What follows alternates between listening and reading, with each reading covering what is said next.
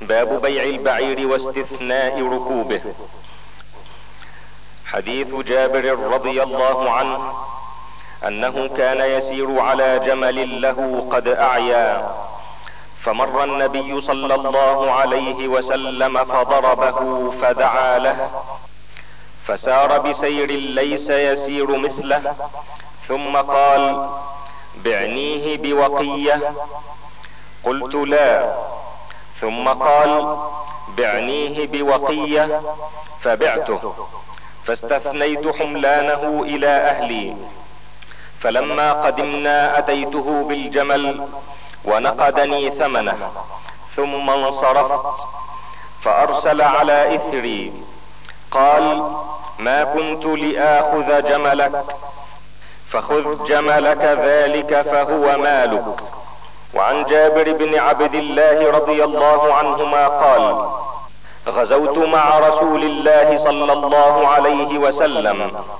قال فتلاحق بي النبي صلى الله عليه وسلم وأنا على ناضح لنا قد أعيا فلا يكاد يسير. فقال لي ما لبعيرك؟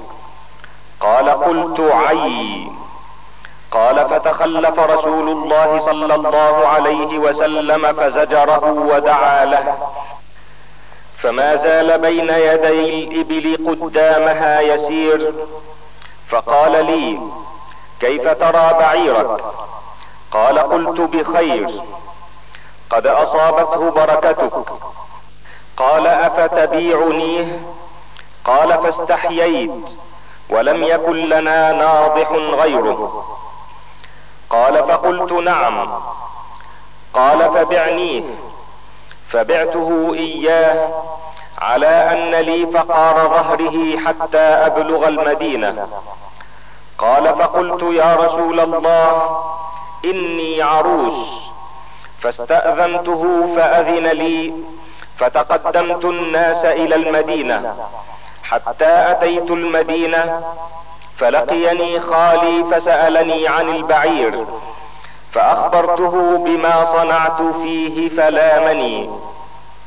قال وقد كان رسول الله صلى الله عليه وسلم قال لي حين استأذنته هل تزوجت بكرا أم ثيبا؟ فقلت تزوجت ثيبا. فقال هل لا تزوجت بكرا تلاعبها وتلاعبك؟ قلت يا رسول الله توفي والدي أو استشهد ولي أخوات صغار. فكرهت أن أتزوج مثلهن فلا تؤدبهن ولا تقوم عليهن. فتزوجت ثيبا لتقوم عليهن وتؤدبهن. قال فلما قدم رسول الله صلى الله عليه وسلم المدينة غدوت عليه بالبعير فأعطاني ثمنه ورده علي. وعن جابر بن عبد الله رضي الله عنهما قال اشترى مني النبي صلى الله عليه وسلم بعيرا بوقيتين ودرهم أو درهمين. فلما قدم صرارا أمر ببقرة فذبحت فأكلوا منها. فلما قدم المدينة أمرني أن آتي المسجد فأصلي ركعتين ووزن لي ثمن البعير. باب من استسلف شيئا فقضى خيرا منه وخيركم أحسنكم قضاء حديث أبي هريرة رضي الله عنه أن رجلا أتى النبي صلى الله عليه وسلم يتقاضاه فأغلظ فهم به أصحابه فقال رسول الله صلى الله عليه وسلم دعوه فإن لصاحب الحق مقالا. ثم قال أعطوه سنا مثل سنه. قالوا يا رسول الله إلا أمثل من سنه فقال أعطوه فإن من خيركم أحسنكم قضاء. باب الرهن وجوازه في الحضر كالسفر. حديث عائشة رضي الله عنها أن النبي صلى الله عليه وسلم اشترى طعاما من يهودي إلى أجل. ورهنه درعا من حديد. باب السلم. حديث ابن عباس رضي الله عنهما قال قدم النبي صلى الله عليه وسلم المدينة وهم يسلفون بالتمر السنتين والثلاث. فقال من أسلف في شيء ففي كيل معلوم ووزن معلوم إلى أجل معلوم. باب النهي عن الحلف في البيع. حديث أبي هريرة رضي الله عنه قال سمعت رسول الله صلى الله عليه وسلم يقول الحلف منفقة للسلعة ممحقة للبركة.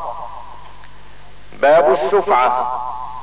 حديث جابر بن عبد الله رضي الله عنهما قال قضى رسول الله صلى الله عليه وسلم بالشفعة في كل ما لم يقسم.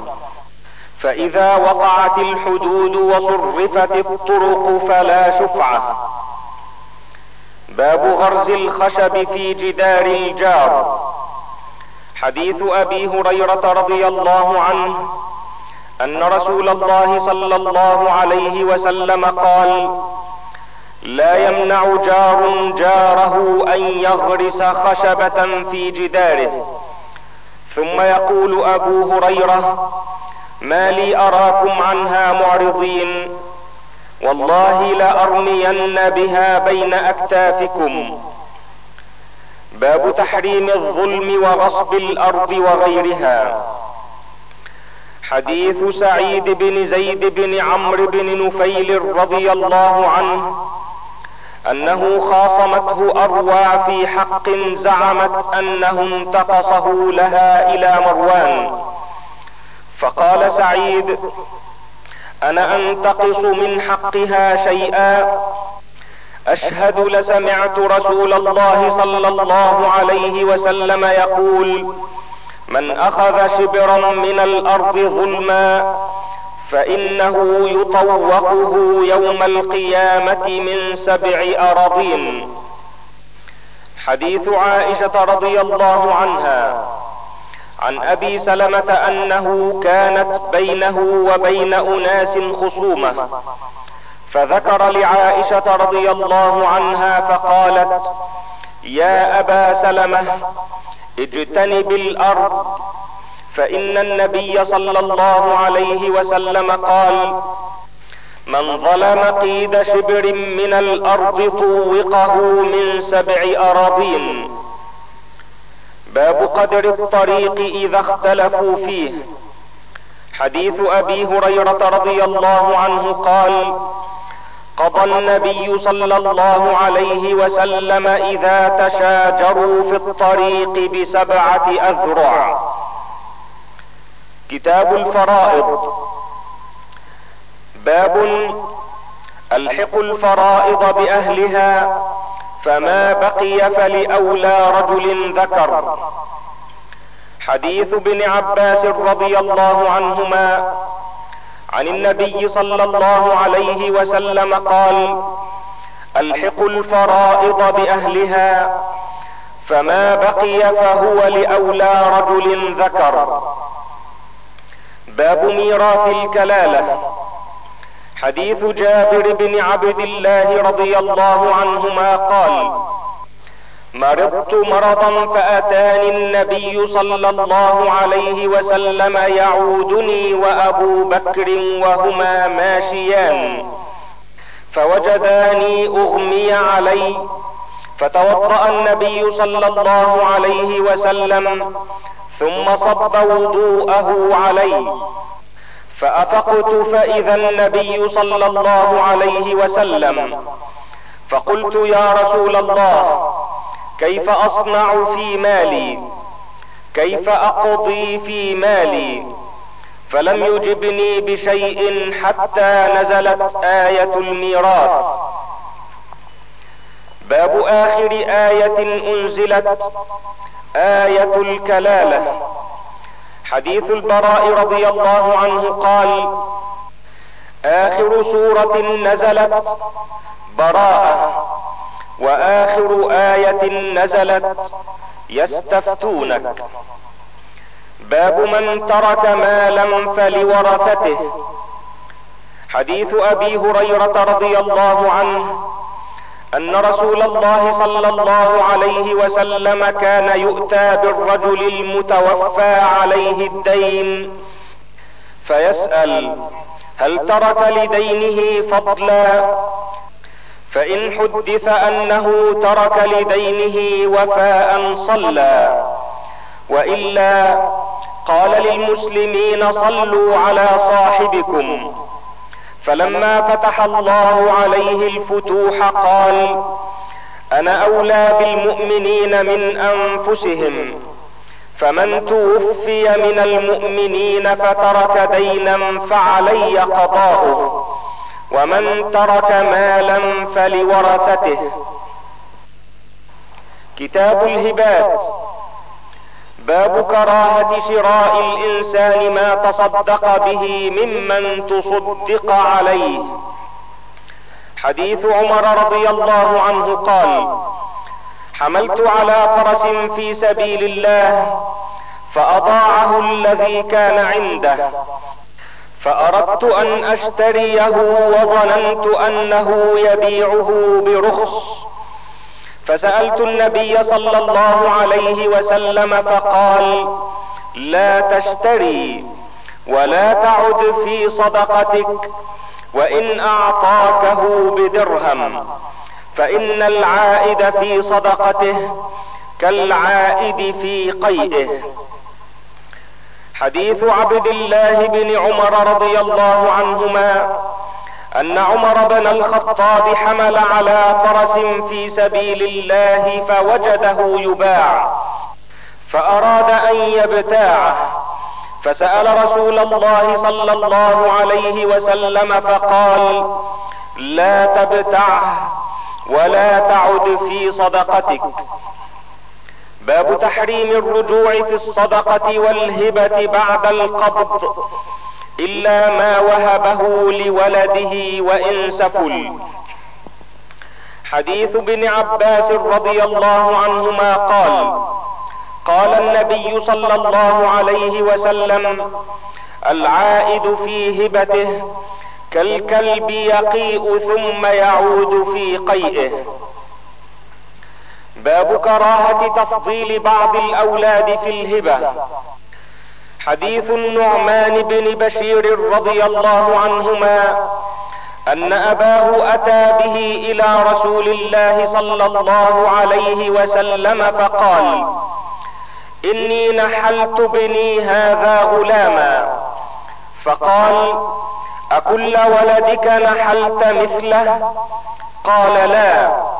قال فارجعه حديث النعمان بن بشير رضي الله عنهما.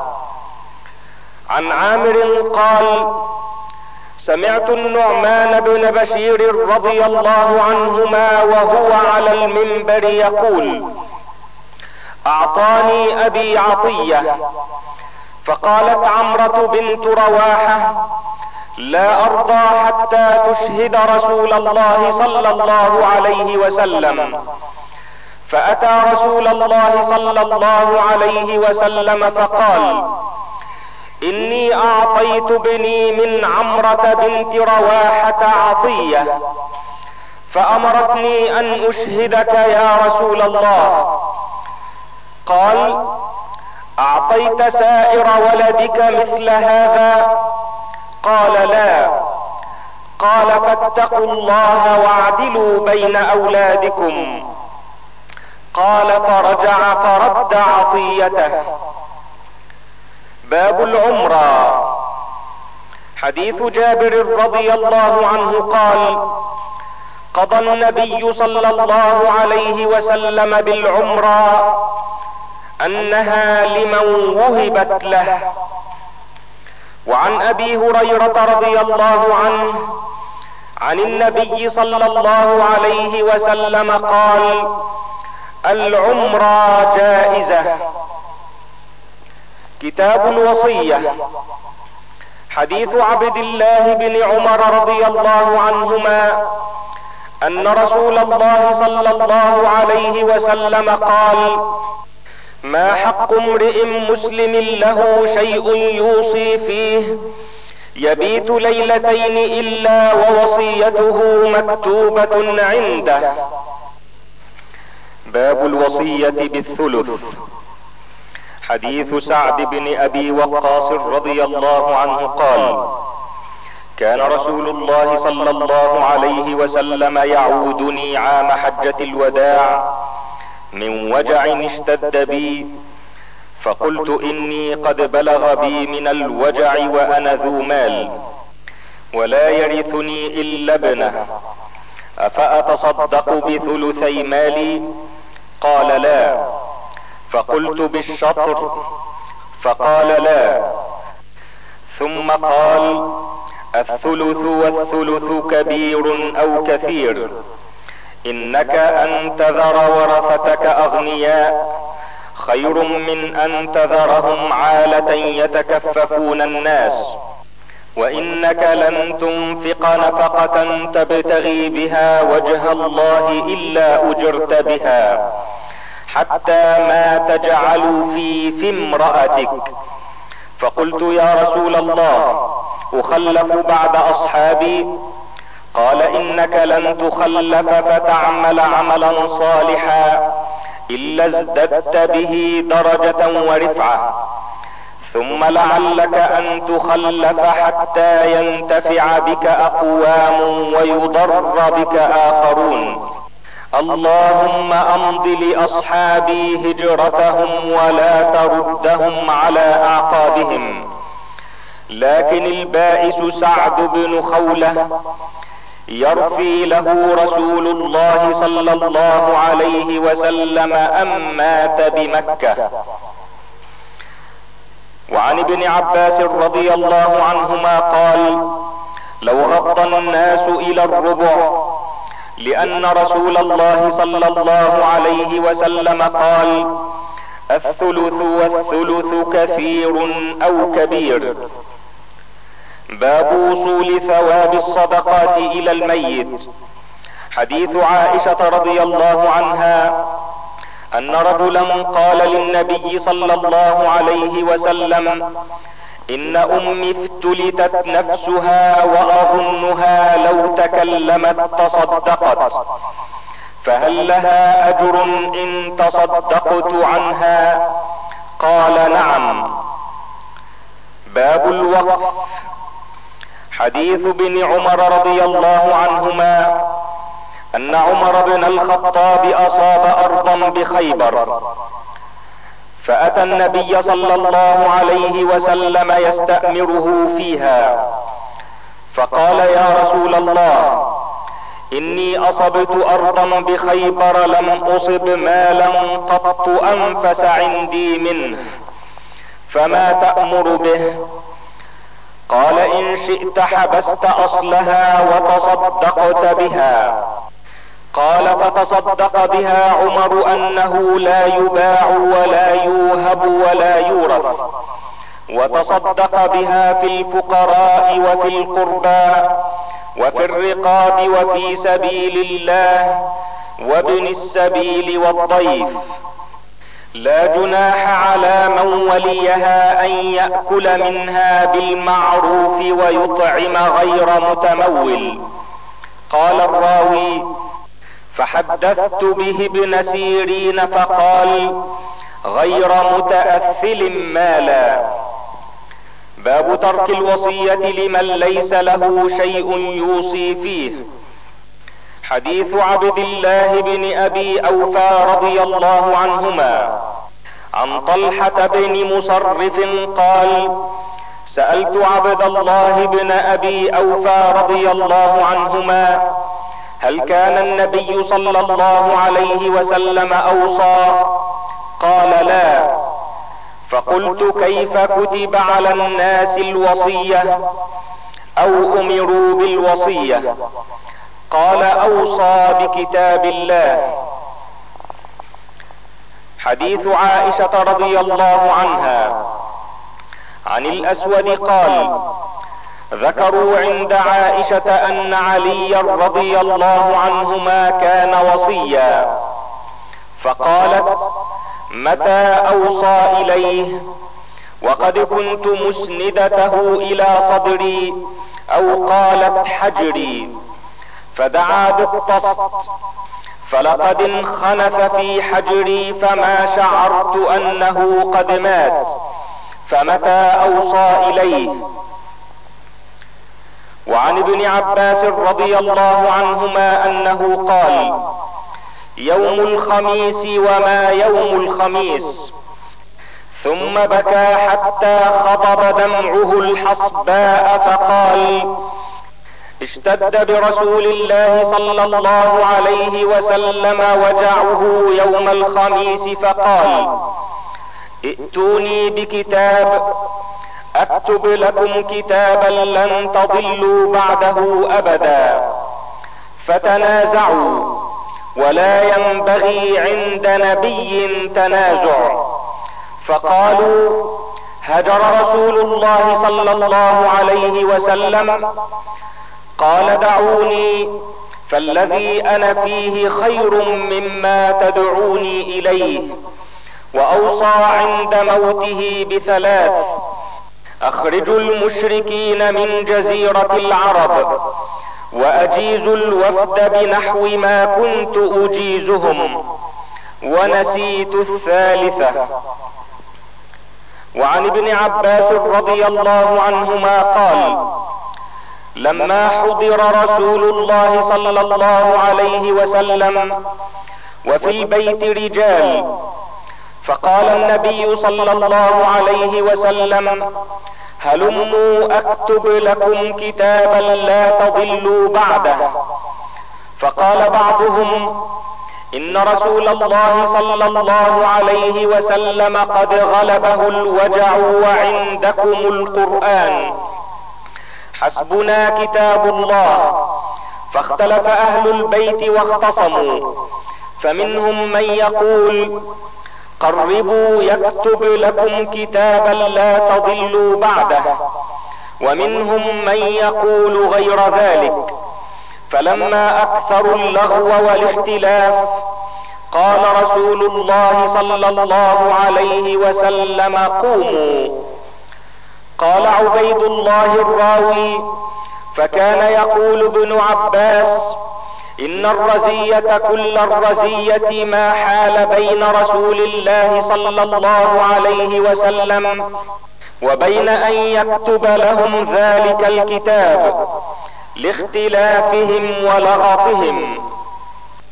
كتاب النذر باب الأمر بقضاء النذر. حديث ابن عباس رضي الله عنهما أن سعد بن عبادة رضي الله عنه استفتى رسول الله صلى الله عليه وسلم فقال إن أمي ماتت وعليها نذر. فقال اقضه عنها. باب النهي عن النذر وأنه لا يرد شيئا. حديث ابن عمر رضي الله عنهما قال نهى النبي صلى الله عليه وسلم عن النذر. قال إنه لا يرد شيئا وإنما يستخرج به من البخيل. وعن أبي هريرة رضي الله عنه قال قال النبي صلى الله عليه وسلم لا يأتي ابن آدم النزر بشيء لم يكن قدر له ولكن يلقيه النزر إلى القدر قد قدر له فيستخرج الله به من البخيل فيؤتي عليه ما لم يكن يؤتي عليه من قبل. باب من نذر أن يمشي إلى الكعبة. حديث أنس رضي الله عنه أن النبي صلى الله عليه وسلم رأى شيخا يهادى بين ابنيه. قال ما بال هذا؟ قالوا نذر أن يمشي. قال إن الله عن تعذيب هذا نفسه لغني وأمره أن يركب. وعن عقبة بن عامر رضي الله عنه قال نذرت أختي أن تمشي إلى بيت الله وأمرتني أن أستفتي لها النبي صلى الله عليه وسلم. فاستفتيته فقال عليه السلام لتمشي ولتركب. كتاب الأيمان. باب النهي عن الحلف بغير الله تعالى. حديث عمر رضي الله عنه قال قال لي رسول الله صلى الله عليه وسلم إن الله ينهاكم أن تحلفوا بآبائكم. قال عمر فوالله ما حلفت بها منذ سمعت النبي صلى الله عليه وسلم ذاكرا ولا آثرا. وعن ابن عمر رضي الله عنهما أنه أدرك عمر بن الخطاب في ركب وهو يحلف بأبيه. فناداهم رسول الله صلى الله عليه وسلم ألا إن الله ينهاكم أن تحلفوا بآبائكم؟ فمن كان حالفا فليحلف بالله وإلا فليصمت. باب من حلف باللات والعزى فليقل لا إله إلا الله. حديث أبي هريرة رضي الله عنه قال قال رسول الله صلى الله عليه وسلم من حلف فقال في حلفه واللات والعزى فليقل لا إله إلا الله ومن قال لصاحبه تعال أقامرك فليتصدق.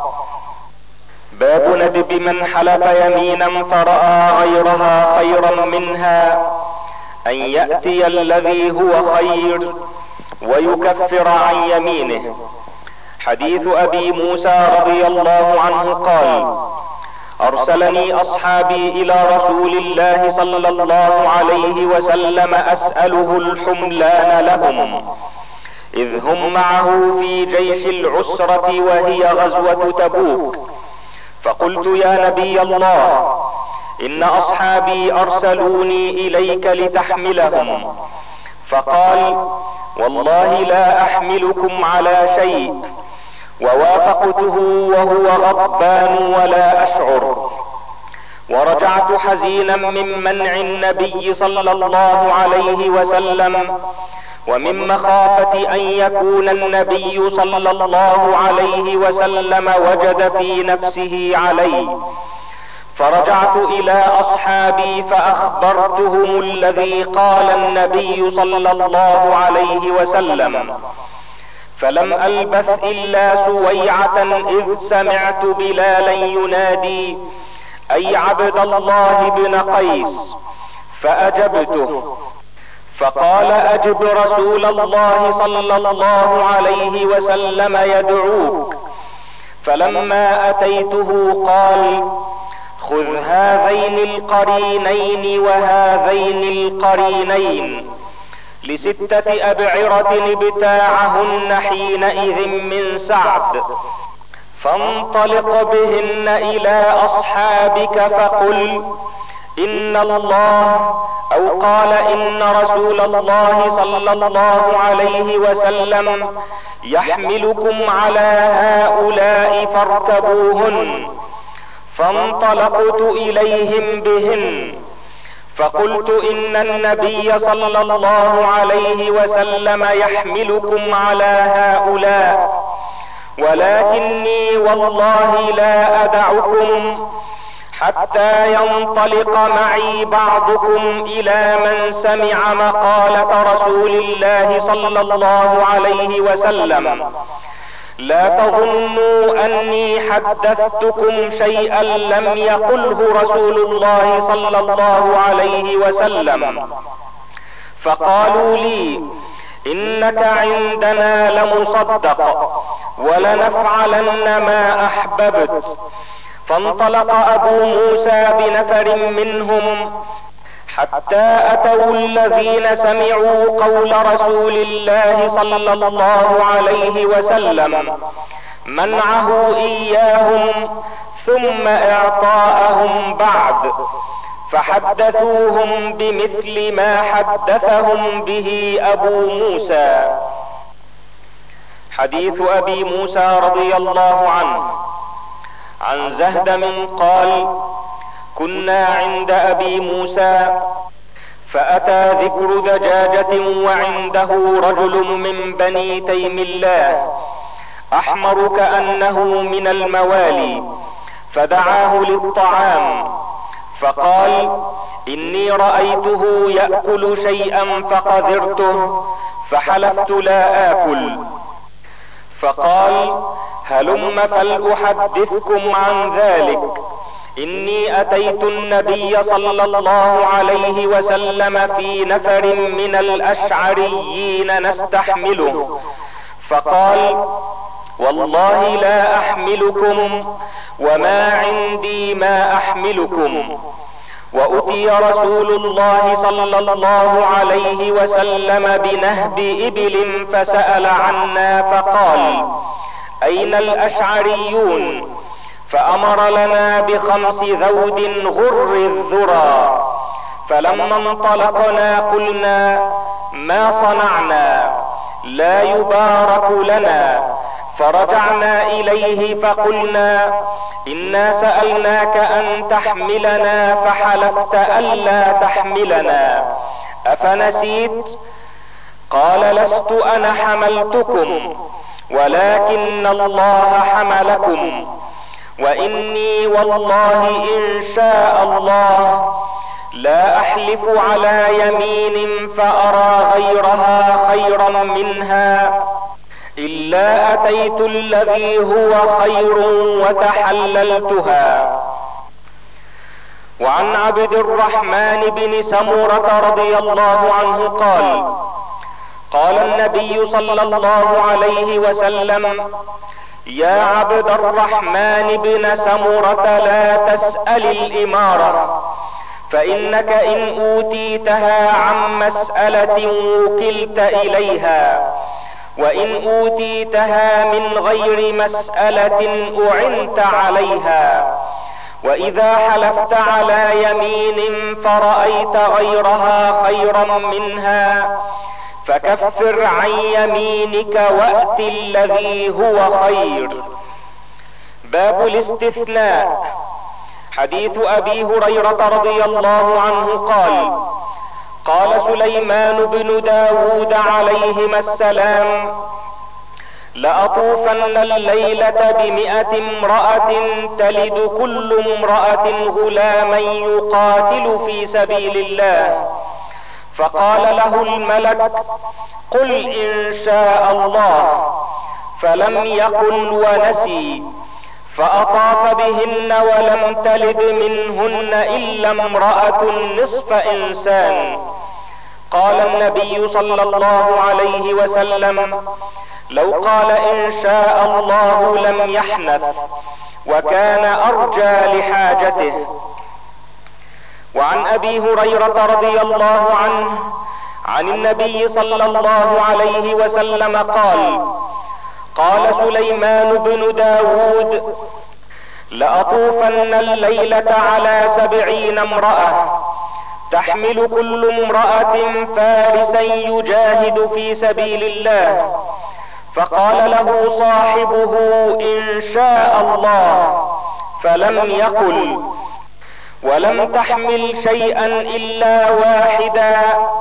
ساقطا إحدى شقيه.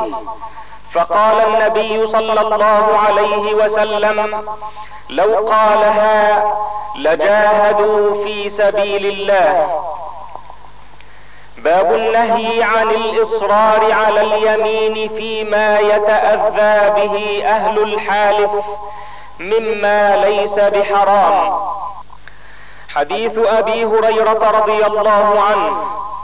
قال رسول الله صلى الله عليه وسلم والله لأن يلج أحدكم بيمينه في أهله آثم له عند الله من أن يعطي كفارته التي افترض الله عليه. باب نذر الكافر وما يفعل فيه إذا أسلم. حديث ابن عمر رضي الله عنهما أن عمر بن الخطاب رضي الله عنه قال يا رسول الله إنه كان علي اعتكاف يوم في الجاهلية فأمره أن يفي به. قال وأصاب عمر جاريتين من سبي حنين فوضعهما في بعض بيوت مكة قال فمن رسول الله صلى الله عليه وسلم على سبي حنين فجعلوا يسعون في السكك. فقال عمر يا عبد الله انظر ما هذا. فقال من رسول الله صلى الله عليه وسلم على السبي؟ قال اذهب فأرسل الجاريتين. باب التغليظ على من قذف مملوكه بالزنا. حديث أبي هريرة رضي الله عنه قال سمعت أبا القاسم صلى الله عليه وسلم يقول من قذف مملوكه وهو بريء مما قال جلد يوم القيامه الا ان يكون كما قال. باب اطعام المملوك مما ياكل والباسه مما يلبس ولا يكلفه ما يغلبه. حديث ابي ذر رضي الله عنه. عن المعرور قال لقيت ابا ذر بالربذه وعليه حلة وعلى غلامه حلة. فسألته عن ذلك فقال إني ساببت رجلا فعيرته بأمه. فقال لي النبي صلى الله عليه وسلم يا أبا ذر أعيرته بأمه؟ إنك امرؤ فيك جاهلية. إخوانكم خولكم جعلهم الله تحت أيديكم. فمن كان أخوه تحت يده فليطعمه مما يأكل وليلبسه مما يلبس ولا تكلفوهم ما يغلبهم. فإن كلفتموهم فأعينوهم. وعن أبي هريرة رضي الله عنه عن النبي صلى الله عليه وسلم قال إذا أتى أحدكم خادمه بطعامه فإن لم يجلسه معه فليناوله أكلة أو أكلتين أو لقمة أو لقمتين فإنه ولي حره وعلاجه. باب ثواب العبد وأجره إذا نصح لسيده وأحسن عبادة الله. حديث ابن عمر رضي الله عنهما أن رسول الله صلى الله عليه وسلم قال العبد إذا نصح سيده وأحسن عبادة ربه كان له أجره مرتين. وعن أبي هريرة رضي الله عنه قال قال رسول الله صلى الله عليه وسلم للعبد المملوك الصالح أجران. قال أبو هريرة والذي نفسي بيده لولا الجهاد في سبيل الله والحج وبر أمي لأحببت أن أموت وأنا مملوك. وعن أبي هريرة رضي الله عنه قال قال النبي صلى الله عليه وسلم نعم ما لأحدهم يحسن عبادة ربه وينصح لسيده.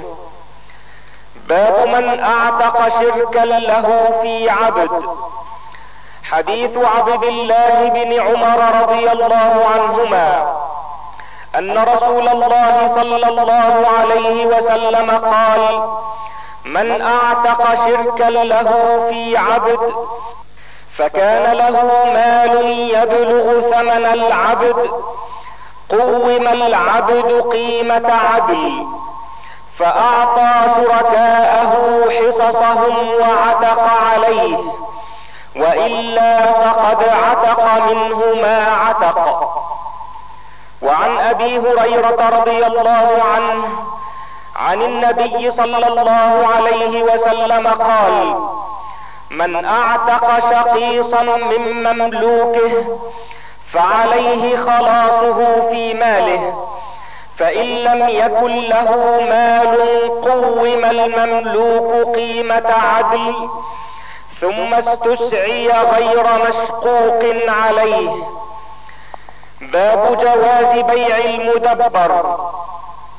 حديث جابر رضي الله عنه أن رجلا من الأنصار دبر مملوكا له ولم يكن له مال غيره. فبلغ النبي صلى الله عليه وسلم فقال من يشتريه مني؟ فاشتراه نعيم بن النحام بثمانمائة درهم.